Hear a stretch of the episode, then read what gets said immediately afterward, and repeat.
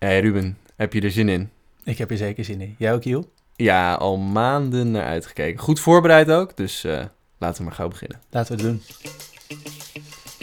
En we hebben een nieuwtje, want ik geloof dat onze naam is veranderd, hè, Ruud? Dat klopt, Julian. Wij heten eerst Op de Gang en nu heten wij Open Deur. Open deur, maar hoezo heten we nu open deur? Eh, omdat we eigenlijk dingen willen gaan bespreken die eh, al wel vaker besproken worden door andere mensen. Dus we gaan waarschijnlijk lekker veel open deuren intrappen. Maar we vinden het gewoon fijn om daarover te kletsen. En we hebben er hartstikke veel zin in. En we hopen, jij natuurlijk ook. Veel plezier met het niet schuwen van clichés.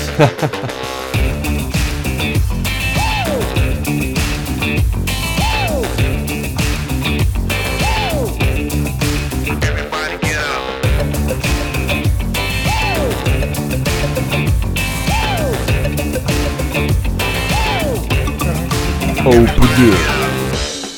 Oké, we zijn begonnen. Ehm, zoals gebruikelijk beginnen wij altijd met een, eh, met een mooie vraag. Die eh, nogal uitdagend kan zijn.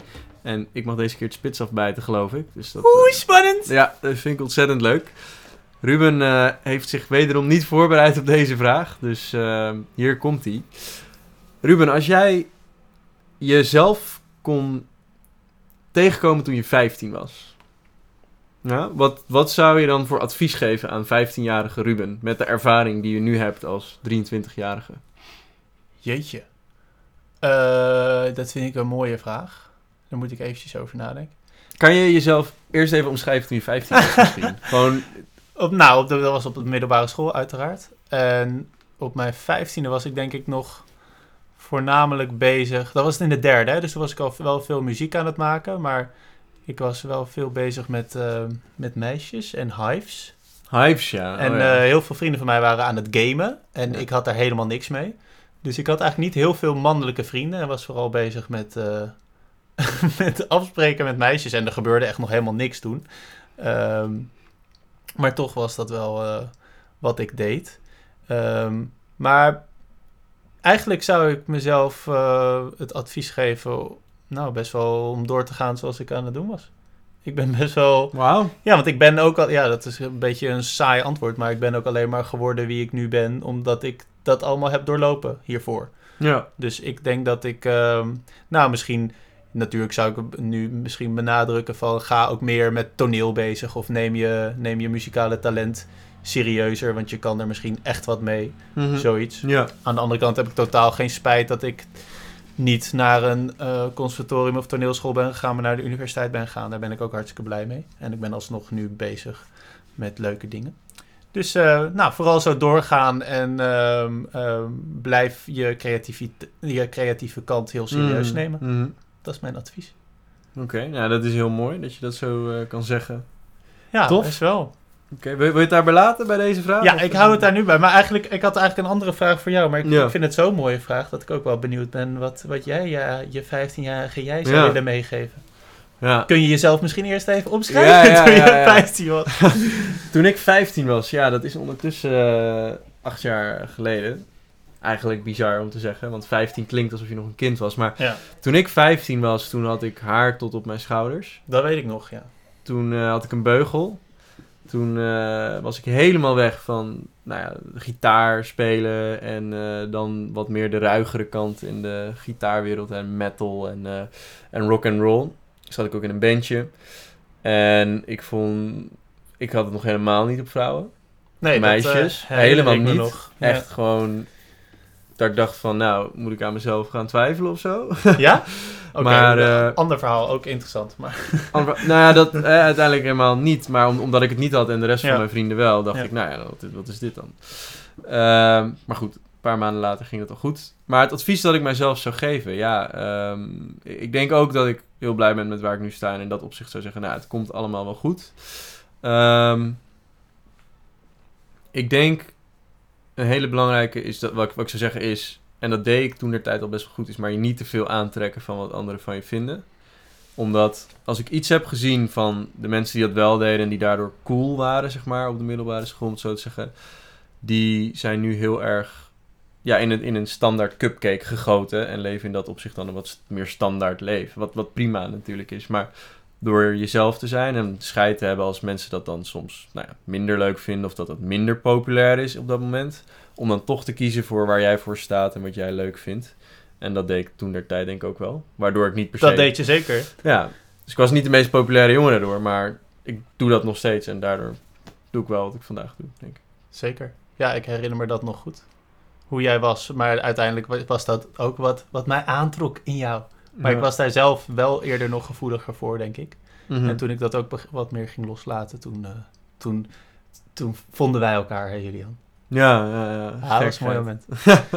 nou, bedankt voor dit, eh dit eh, prachtig onderwerp. Ja, goede intro. Heerlijk, heerlijk. Maar goed, dit was natuurlijk vrij positief allemaal. Maar eigenlijk, we gaan nu door naar het volgende gedeelte. Het, het thema van vandaag. En eh, nou ja, ik, ik weet niet of jullie de titel al hebben gelezen. Maar die luidt... Zou goed kunnen. We zijn gelukkiger dan we denken. Ja, eh, maar daar zit natuurlijk een soort ondertoon in eh, van eh, dat is misschien, dat idee heerst misschien niet. En dat is een beetje waar we het over willen hebben. Dat we, nou je hoort toch wel steeds meer over depressieve, overspannen jongeren, maar ook ouderen. Hmm. Ehm, dat dat gewoon een, een groot probleem is. En dat er ook nog wel veel taboe op, op rust. En eh, dat willen wij graag ehm, bespreken. Ja. Waarbij we ook wel meteen willen zeggen dat wij totaal geen experts zijn. Ja. Ehm, dus dat wat wij hier zeggen ook totaal ehm, gewoon is omdat wij het daar open over willen kunnen hebben. En niet per se dat wij daar allemaal onderzoek naar hebben gedaan en een hoop vanaf weten. Ja. Ja, precies. Want ik denk, zeg maar, de reden waarom ik het er ook vanavond over wilde hebben, is omdat ik ondertussen, denk ik, nou best veel mensen ken die ermee te maken hebben. Ik heb het zelf gelukkig nog niet gehad. Hè, dat, dat ik me echt depressief voelde. Wel een moment dat ik me natuurlijk wat meer down voelde. Maar als je ziet wat, wat, de, wat de impact is op die mensen en hoe dat hun, hun leven verandert. En daarmee ook mij raakt. En ik denk van, wat zou het in dat opzicht soms... Of wat, wat is het bizar dat we nog steeds niet hebben uitgevogeld hoe we dat kunnen repareren. En dat ik dan soms bijna wens van, nou, ik had liever gehad dat je, dat je iets breekt. Want dat kan je gewoon gelijk maken. Terwijl Ja. wat er in je hoofd, als er daar iets mis is, dan denken mensen al snel, stel je niet aan of wat ben je nou weer aan het huilen. En dan denk ik, dat is, dat is zo complex. En dat is niet even met een pleister of een operatie te, te fixen. Ehm, nou, en ik ben, ik ben gewoon heel benieuwd waarom het zo'n, enerzijds zo'n taboe is. Niemand wil het erover hebben, terwijl het is giga.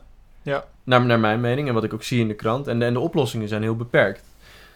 Ja, nou, ik denk dat een deel ervan te maken heeft met dat ehm, nog steeds er heel erg een idee heerst dat dat, dat je, je eigen schuld is.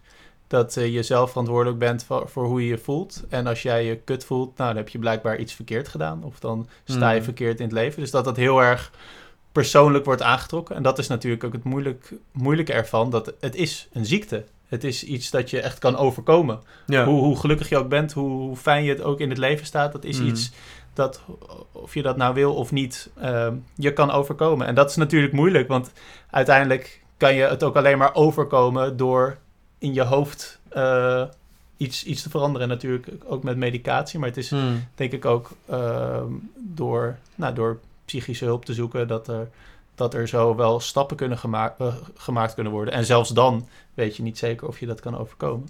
Hmm. Eh, als in to overcome. Ja. Ehm, dus dat maakt het heel erg lastig dat het een soort persoonlijk wordt aangerekend. Inderdaad, wat je zegt, nou, denk dan gewoon wat positiever. ja, terwijl dat is het helemaal niet. Nou, en dat, dat is het moeilijke, want soms heb ik dus het idee, dat is het ook wel. Bij, so- bij, Hmm. sommige, sommige gevallen denk ik, nou, ehm, je, je kan ook gewoon iets positiever er tegenaan kijken. En ehm, depressie, overspannen is natuurlijk, dat is niet iets, ehm, iets essentieels. Het is niet iets dat out there is. Dat is gewoon eh, op een bepaald ogenblik ehm, hebben we een definitie waar je dan al dan niet tussen, tussen valt als je bepaalde vragen aanklikt of zo. Het is gewoon een menselijk construct, een sociaal construct. Hmm. Die, zeg maar die term. Dus dat, als mensen depressief zijn, zijn ze daadwerkelijk depressief. Maar wanneer, wanneer ben je gewoon een beetje down en wanneer zie je alles wat zwart in en wanneer kun je echt dat label krijgen? Dat is natuurlijk een heel Ja. grijs gebied. En bij sommige mensen denk ik soms van, nou, stel je gewoon niet zo aan, doe gewoon wat positiever, doe gewoon wat leuker. En soms denk ik ook dat dat, eh, kan helpen. En soms denk ik, oh, maar misschien werkt dit gewoon helemaal niet. Nee, want om daar op, op in te haken, ik denk dus dat heel veel mensen zoiets hebben van, stel je niet aan of denk gewoon positief of la Maar er is onderzoek gedaan, sterker nog, er zijn MRI-scans gedaan van mensen die depressief zijn of die, die in ieder geval een psychische aandoening hadden en mensen die dan een gezonde, ehm, nou ja, zich wel happy voelden om het zo te zeggen. Ja. En er is dus significant verschil te zien op hersenniveau, gewoon letterlijk op chemicaliën, moleculen. Dus wat dat betreft, net zoals dat je gebroken arm hebt, Ja. als je die onder de röntgenfoto legt, zie je ook verschil. Ja. Er is dus een verschil in samenstelling van de hersenen. Dus het zeggen van denk is happy Ja. slaat nergens op. Dat is hetzelfde als tegen iemand zeggen die zijn arm gebroken heeft. Zet hem even recht. Ja, je moet je arm gewoon rechter denken. Dat kan niet. Dat kan Nee. jij niet zelf. En dan is het ook nog eens zo dat onze hersenen snappen we zelf al bijna niet. Ik bedoel, hersenwetenschappers, neurowetenschappen, dat is, dat is, dat is rocket science. Ja. Dus het, is, het slaat zo nergens op in mijn optiek om te zeggen: hey, denk even happy and that's it. Het is, het is denk ik een, een, een gigaproces om dan die hersenen, die dus wat dat betreft inderdaad echt een, een ziekte hebben of een andere status, die wij niet kunnen bevatten omdat wij dat niet hebben, weer om te kunnen vormen naar wat mogelijk voorheen wel als, als gezond aanvoelde. Ja, dat maakt het wel heel moeilijk om daarmee om te gaan, vind ik, op, op eh, individueel vlak. Ja, want je ziet het ook niet. Nee. En eh, Je kan niet aan mij zien, ja, ik, ik zie er misschien wat sip uit. Hè, dat zou het kunnen zijn, maar je kan niet aan mij zien, als ik mijn arm gebroken heb, het ziet er verkeerd uit. Je weet, Ja. shit, het is foute boel. En dat is ook gewoon ge- gelegitimeerd. Dat is gelegitimeerde pijn. Ja, want dan zeg je niet, stel je niet aan. Nee, Nee. dan zit je, wow. Ja. Terwijl misschien als we hadden kunnen zien wat er in iemands hoofd afspeelt, zit je ook van, holy Moses, dat, dat, dit is foute boel. Ja. Dan Ja, maakt nou, het heel lastig. Ik weet echt helemaal niks van die, eh, van die hersenscans hoor, dus daar moet je me niet op vastpinnen. Maar Mm. ik kan me voorstellen dat ehm, dat, dat, dat, dat, wordt, dat wordt echt pas zichtbaar als het, ehm, als het best wel heftig is. En wanneer wordt dat zichtbaar? Dat is natuurlijk best wel een, een grijs gebied. Ehm, en er zijn ook denk ik veel mensen die zich gewoon vaak kut voelen.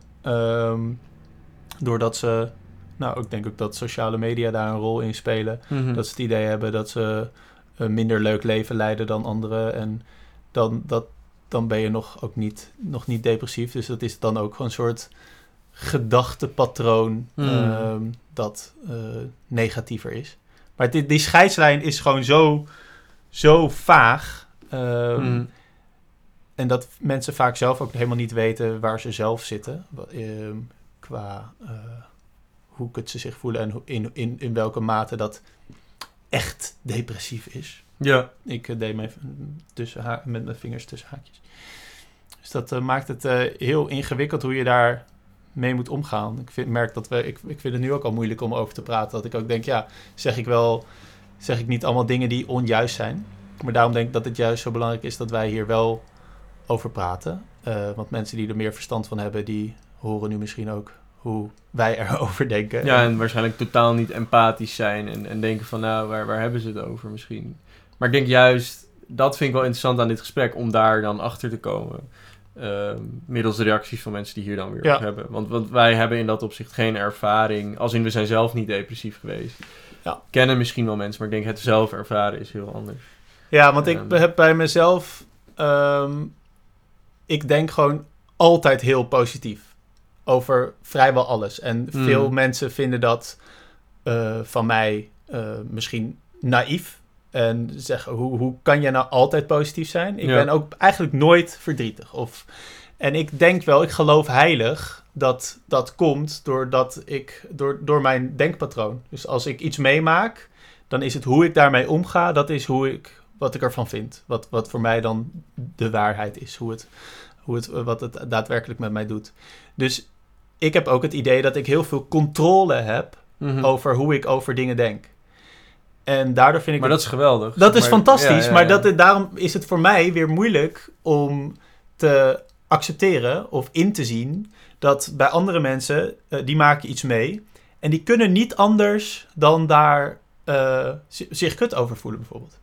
En ik kan me dat gewoon niet voorstellen, omdat ik zelf Mhm. ehm, in staat ben om, nou, om daar een positieve draai aan te geven.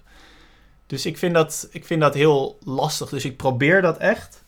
Maar ik vind dat heel moeilijk. En dat heeft ook wel voor confrontaties gezorgd. Ja, dat kan ik me goed voorstellen. Want jij, jij hebt die kracht om dat te doen, zeg maar. En, en, en het, het geluk ook. Ik bedoel, misschien heb je gewoon ook een heel mooi leven gehad... en daarmee heb je dat opgebouwd met de mensen om je heen. Maar niet iedereen is in dat opzicht misschien zo geprezen geweest. Zeker. Ehm, maar dat, dat is de hele kracht, denk ik. Dat, dat kunnen omdenken. En, en als je dat niet hebt, is dat onwijs lastig. Want volgens mij op dit moment, en ik, dit doe ik even een wilde gok... maar is 1 op de 10 jongeren... Zoiets, het is echt een bizar getal. Dus hè, pin me er niet op vast. Maar zoiets heeft nu onge, onverteld, zonder dat anderen dat weten, last van depressiviteit. Ja, dat is echt sick. Dat is Dat echt 1 sick. op de 10, hè? Ik bedoel, als je dan dus een middelbare school inloopt, heeft elke klas er misschien wel twee. Ja, en dat, waar heeft dat mee te maken, joh? Nou ja, dat, dat- ik, Denk je? kijk, mijn, mijn hypothese, mijn aanname daarin is, is dat, dat dus het gaat over het algemeen, en, en dat is dus dan ook de titel van de podcast. Over het algemeen gaat het best wel goed met ons. Hè, Zeker. Even, je, even de feitjes. Eh, in 1974 gaven Nederlanders hun eigen leven een 7,4. En afgelopen jaar, 2018, een 7,8. En daarmee behoren wij tot een van de allergelukkigste landen van de wereld. Dus de dat is op zich iets waar we ontzettend trots op mogen zijn. Ja, Ehm, en het neemt niet weg dat, dat deze, eh, deze gevallen van depressie en overspannen, dat dat nog steeds, dat maakt het niet minder problematisch. En je zou ook kunnen zeggen, we, we Mhm. hebben het er nu steeds meer over, en je hoort er ook steeds meer over in media, eh, dat het juist bespreekbaarder wordt. ja. Dus dat mensen er eerder over durven te praten en daardoor eh borrelt er nu een hoop naar boven. Maar goed, Mhm. jij wijst ook op het feit dat er veel mensen zijn die dat niet delen.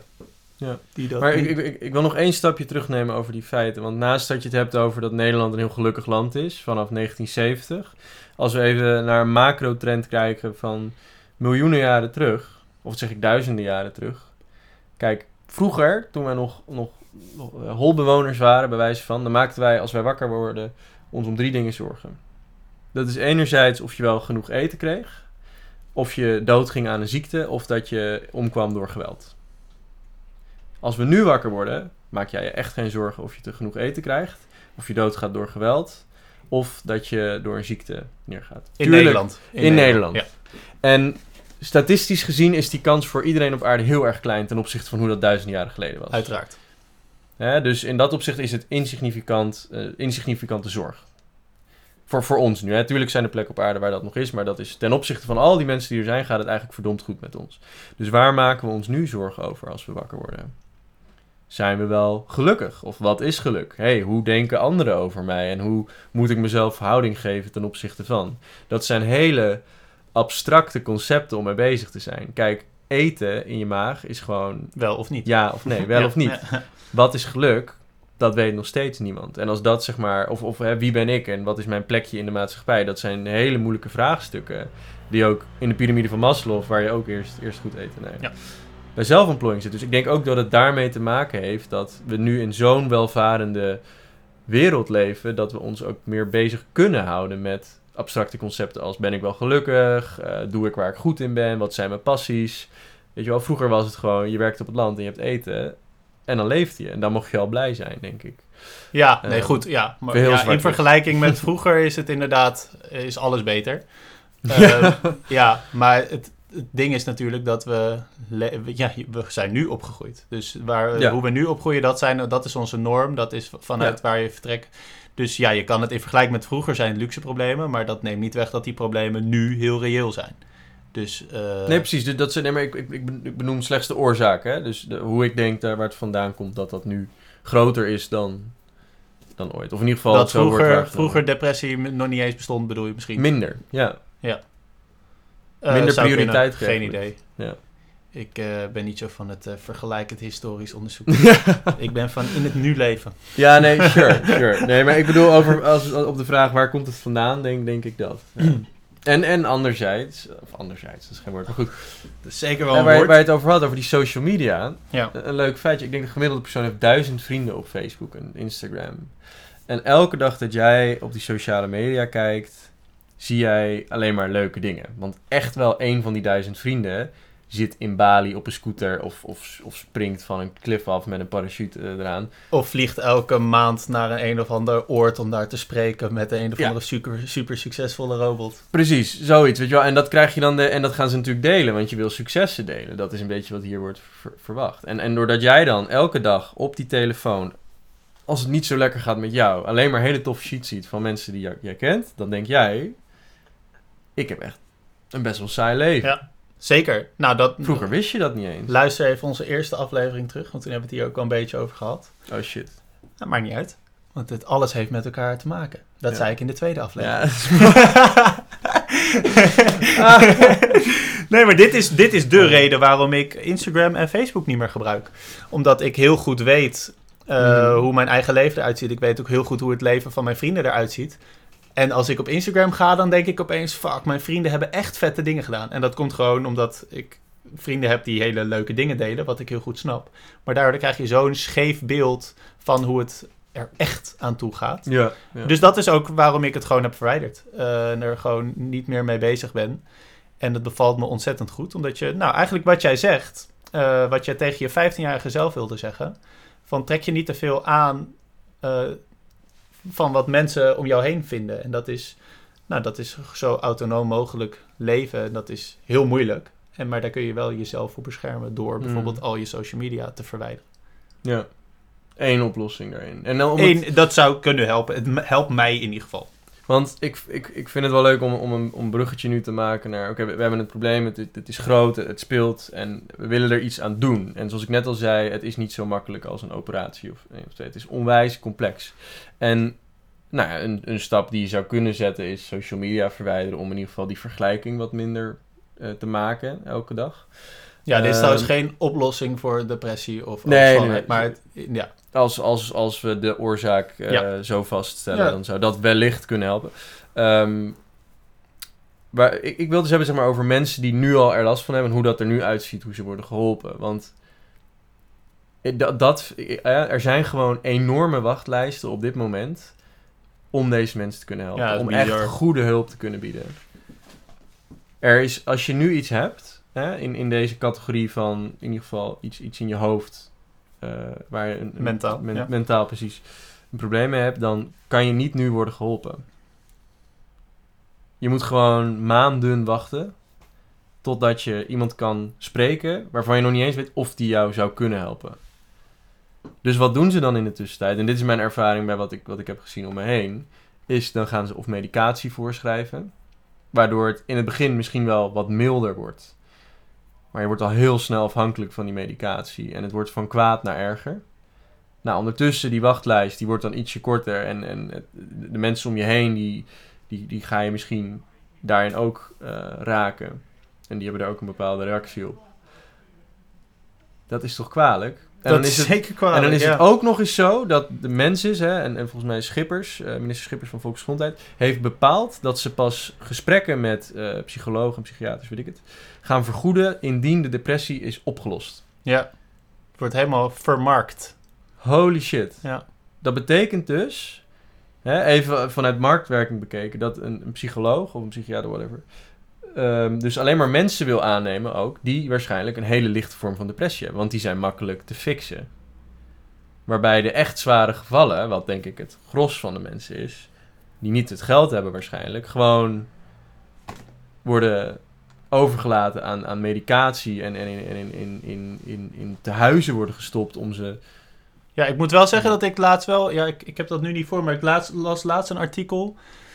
Eh, en volgens mij ging dat over tandartsen. Dus dat is misschien een beetje een rare vergelijking. Maar dat ehm, als het inderdaad makkelijker wordt... Of dat als ehm, in de zorg dus mensen op zoek gaan... Als de specialisten zo goedkoop mogelijk...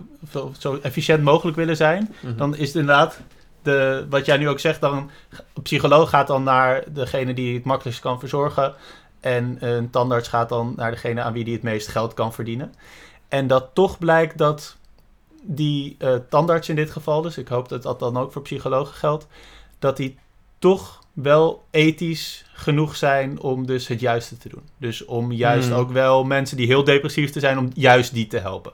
Ondanks dat ze misschien meer geld kunnen verdienen aan andere mensen. Dus ik, ik ben daar toch iets optimistischer misschien dan, Hmm. dan jouw doemdenken. Ja. Wat niet wegneemt dat ik de hele marktwerking in de zorg eh, op de meeste vlakken problematisch vind. Ja. Sowieso marktwerking, neoliberalisme in het algemeen is denk ik ook een van de problemen van, Hmm. van overspannen. Dat alles moet worden, alles moet meetbaar zijn en zo. Maar goed, daar kunnen we het ook weer eh, Er zijn al andere discussies. jaren over hebben. Ja, ja. ja.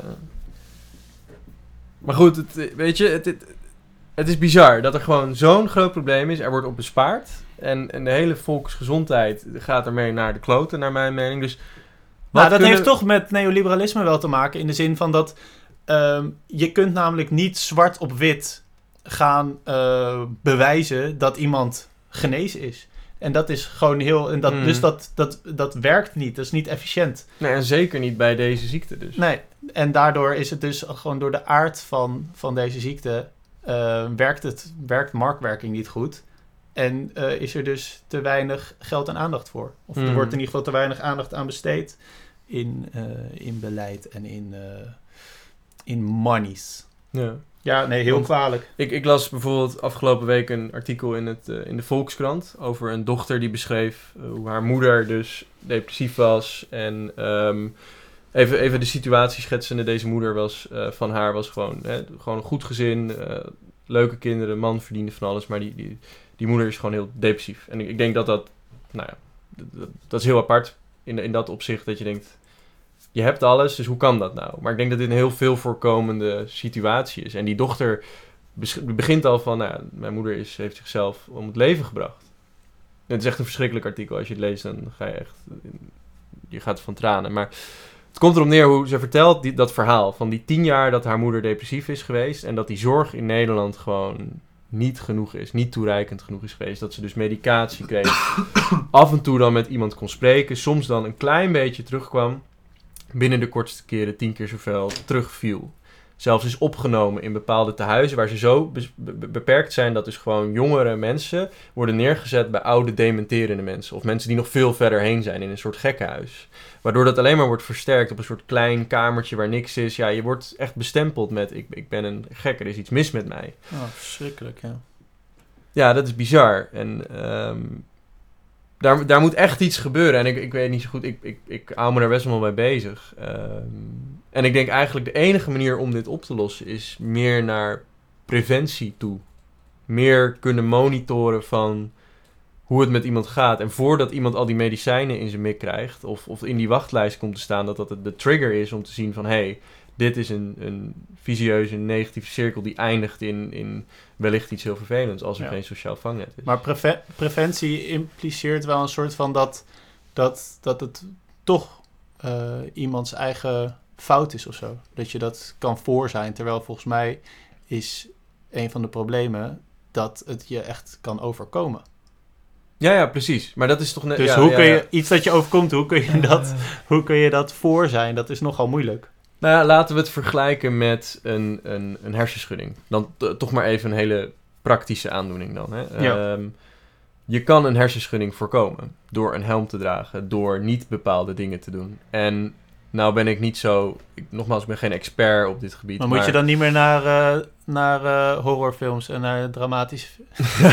Nou ja, dat is Nee, maar hoe zie je dat voor je? Serieus? Nou ja, dat, dat antwoord weet ik dus nog niet. Maar dat is wel een zoektocht die ik zou willen starten met mensen. Van oké, hoe kunnen we dus parameters vinden die significant altijd bijdragen tot een depressie? Zijn dat problemen in het sociale leven? Zijn dat... Weet ik, zijn er kenmerken die leiden tot? Ehm, in ieder geval een, een soort raamwerk opstellen. Waarmee we de- eenzaamheid bijvoorbeeld, dat dat... ja, dat dat een de- signaal... ja. ja. dat is een hypothese. En ik denk dat Ja. dit een nog groot onderzoek zou kunnen zijn. Maar om, om dus te gaan bepalen... Oké, net als dat je dus hersenschudding kan voorkomen met een helm... hoe kan je depressies voorkomen? En daar, daar het geld in stoppen... en de tijd en de onderzoek om, om die nummers kleiner te maken. Want in, in alle eerlijkheid... ik denk de, het probleem nu met de mensen die nu depressief zijn... die kunnen we ook niet allemaal helpen... omdat er, er is gewoon niet die hulp 1, 2, 3 voor... Want sowieso, de hele zorg, het is nu ziektezorg. Maar dat is heel raar. Weet je we moeten naar gezondheidszorg, waarbij je iemand gezond houdt. En niet pas als iemand ziek is en als het mis is.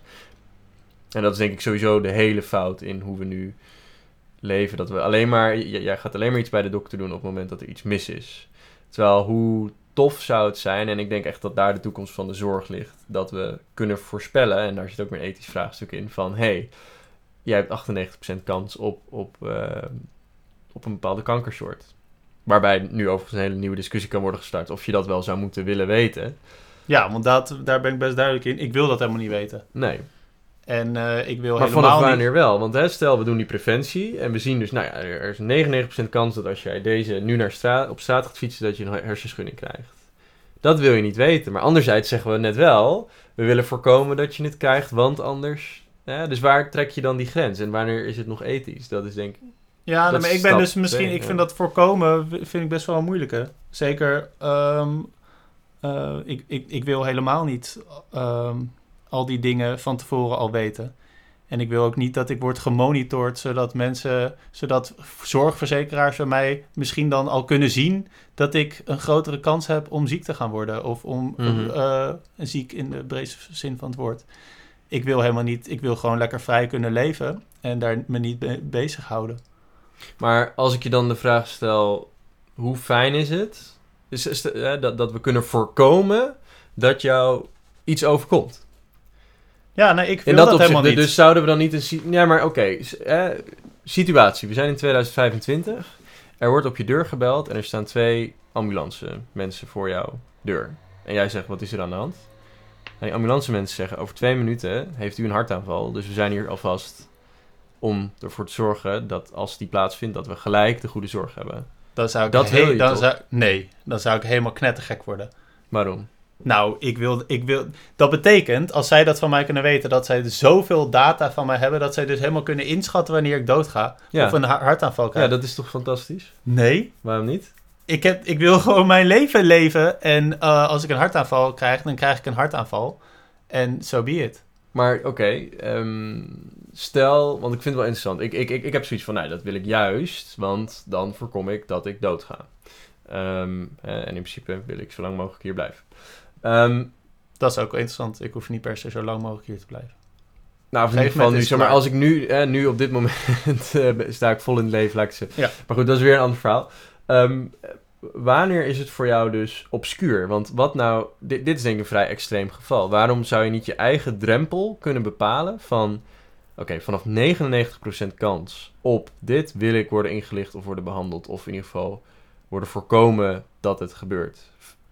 Waarbij een ander zou zeggen, nou, ik wil pas bij 50% wil ik al worden geholpen. Of zou dat recht bij de arts moeten liggen? Of door misschien wel de overheid? En ik weet, de discussie gaat nu een beetje van het onderwerp af. Maar ik denk wel, hier ligt wel een deel van de oplossing. Als we het hebben, als mijn oplossing is dat, dat preventie inderdaad de goede, goede weg is. Ja, geen idee. Ik, ik heb daar nog nooit over nagedacht. Maar ik zou hier zelf, zou ik... Dat is een beetje, ik, maar ik zou er zelf depressief van worden als ik zou weten dat, dat eh, al mijn data wordt bijgehouden. Zodat, zo- dat is zo de angst laten regeren. Dat is zo leven vanuit eh, mogelijke problemen. Terwijl ik juist uit wil gaan van het goede. En dat is ook precies waarom ik zo gelukkig in het leven sta. Ehm, ja, ik weet het niet. Ja. ja, het is gewoon onwijs, onwijs lastig. Maar eh, om, om een klein beetje naar een conclusie toe te werken, want het is, het is zo'n groot thema. Ja. Ehm, ik denk ook dat we nu wel wat facetten hebben belicht, maar nog lang niet zijn om tot een echt goede conclusie te komen. Maar Zou ook knap zijn als wij dat kunnen in eh, een half uurtje. het is wel open deur. hè? Het is wel Hey, open deur. Ik bedoel, dit is wel eventjes... Eh, eh, dit is wel een hoog niveau. Juist, Zeker ja. weten. Nee, maar als conclusie, hè, dus hè, er, is een groot probleem. Het, het is verschrikkelijk, je gunt het niemand. Ehm, we, we willen er, we willen het dus voorkomen in principe dat mensen dat, dat, dat krijgen. Je gunt het niemand namelijk. Daar zijn we het over eens, denk ik, in deze discussie. Ehm, overigens denk ik wel dat we het ook over eens zijn dat het oké is om je soms een beetje down te voelen. Dat het heel normaal is. Zeker. Dat, het- dat het wat dat betreft in, in deze maatschappij is het niet normaal om je down te voelen. Terwijl ik denk, dat is echt super goed voor je om af en toe even... Even, hè? Dus niet, niet depressief, maar even zo van, oh, het zit even tegen. Want ik moet wel zeggen, ik heb dat dus bijna nooit. Jij voelt je nooit down. Bijna nooit. Echt bijna nooit. En ik vraag me soms ook af, is dat wel helemaal gezond? Ja, En dan denk ik, nou, ben ik, ben ik er tevreden mee? Ja, nou, dan is het prima. nou, dan is het goed. Ja. Sommige mensen, het, het, het, het klinkt een beetje zo van, het is juist goed om je af en toe even heel kut te voelen. En dat heb ik niet. Nou, niet heel kut te voelen. Nee, nee, Nee, het is oké is- om je soms kloten te voelen. tuurlijk, dat is wat anders, ja. En het is dus, eh, misschien zeg ik het, het is ook niet goed om je af en toe kloot te voelen. Ik denk het is oké, het is gewoon heel normaal. Zeker. En ik denk dat er nu de tendens heerst dat het niet normaal is om je kloten te voelen. Ja, is dat zo? Ja, dat gevoel heb ik. Oké. Zo- Zodra jij stress hebt of je voelt je een beetje verdrietig, dan ga je gelijk denken, oh, er is iets mis met me en oh, ik zal wel, ik zal wel overstuur zijn, weet je wel. Ik, ik denk dat die tendens er hangt. En ook dat dat heel erg aan jezelf ligt. Dat, ik Tuurlijk. bedoel, dat, nee, maar dat dat, Ja. dat als reden wordt gegeven. Dus je hebt stress, oh, dan moet je dit en dit en dit anders doen. Terwijl stress is heel normaal. En is misschien heel goed voor je om juist te realiseren, hé, hey, ik ben misschien druk bezig. En, hey. Maar goed, hè, da- daar zijn we het dan dus over eens. Maar ja, stap 2 is de, de oplossingen die er nu zijn, zijn veel te beperkt en zijn totaal niet eh, dekkend om, om dit probleem op te lossen. Dus denk ik, het is preventie. Maar hoe, ja, hoe, hoe denk jij daarover? Zeg maar, hoe kunnen wij nu, na vanavond, en de luisteraars die dit hebben geluisterd, hier in meedenken of een stap zetten naar Nou, het ik heb, weghelpen van depressie? ik heb geen eh, ervaring met onderzoek hiernaar doen. Dus ik denk sowieso dat het goed is als er nog steeds meer onderzoek naar wordt gedaan.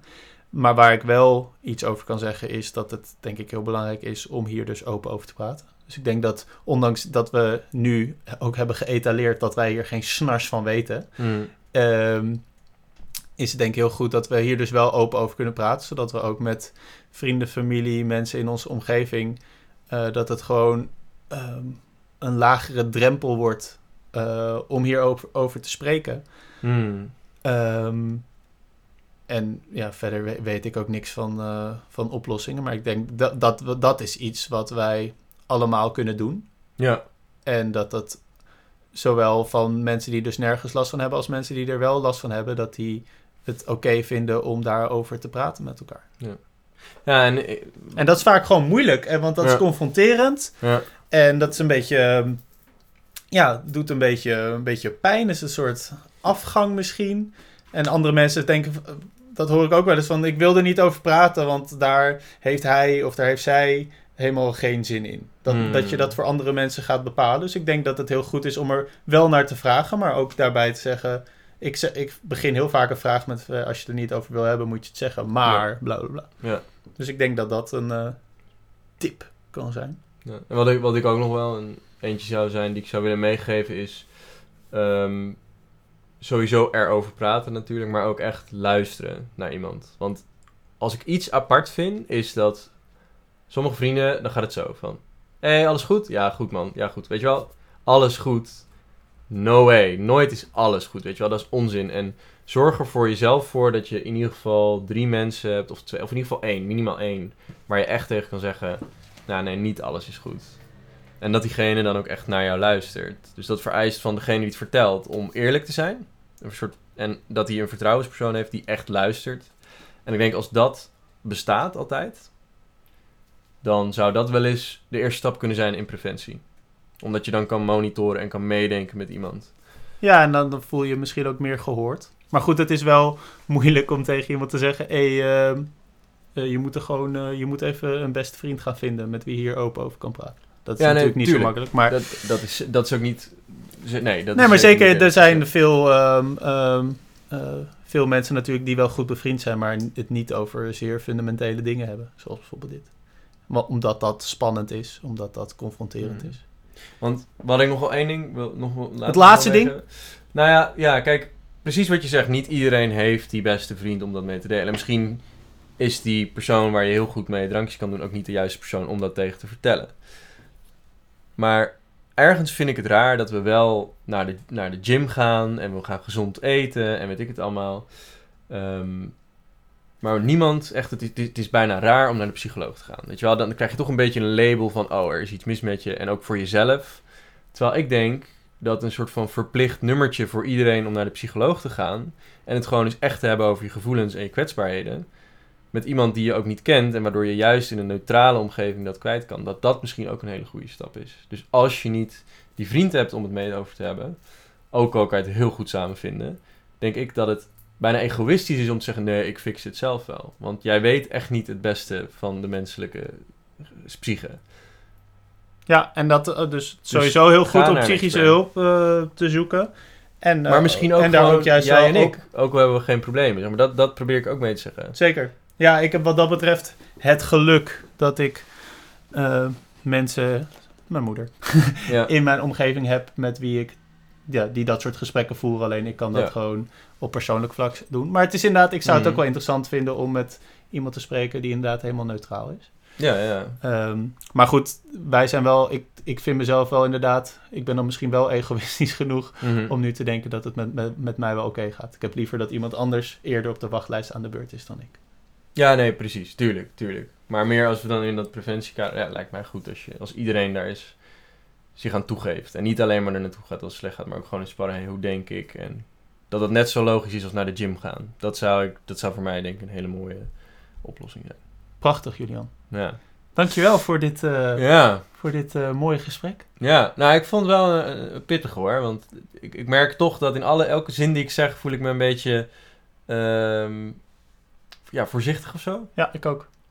Omdat ik toch mensen ken waarvan ik weet die, die luisteren dit en... en En- Die weten er meer vanaf. Of, ja, En tegen hen wil ik ook graag zeggen van laat vooral heel open en serieus weten wat je hiervan vindt. Want wij proberen ook maar wat. En, ehm, Met als reden om jullie ook weer te helpen en omdat we er ja, wel mee geconfronteerd zijn. Ja. Ik bedoel, we doen dit niet om, om lollig hierover te doen. Nee, zeker niet. We zijn juist aan het ontdekken van, hey, hoe, hoe kunnen we hier een oplossing voor vinden? En, zeg maar, mijn, mijn gevoel is een beetje dat na het uploaden van deze aflevering, dat mensen zoiets hebben van, ja, zij snappen er echt niks van en zijn een beetje als twee gezonde, blije, ge- ge- gelukkige gasten hierover aan het praten alsof het niks is. Nou, ik denk niet dat, Maar- dat het, ik hoop niet dat dat de interpretatie is, maar Nee. ik denk wel, dat- nee, ik ben wel heel, ehm, heel benieuwd naar wat men vindt. Dus dat eh, horen wij graag. Ja. ja en we nou, horen jullie graag weer eh, terug bij onze volgende podcast. Ja. Maar we hebben eerst nog een eh Muzikale amuse. amuse voor jullie. Wat is het deze keer geworden, Ruben? Het is deze keer geworden Smile Meditation van Wolfpack.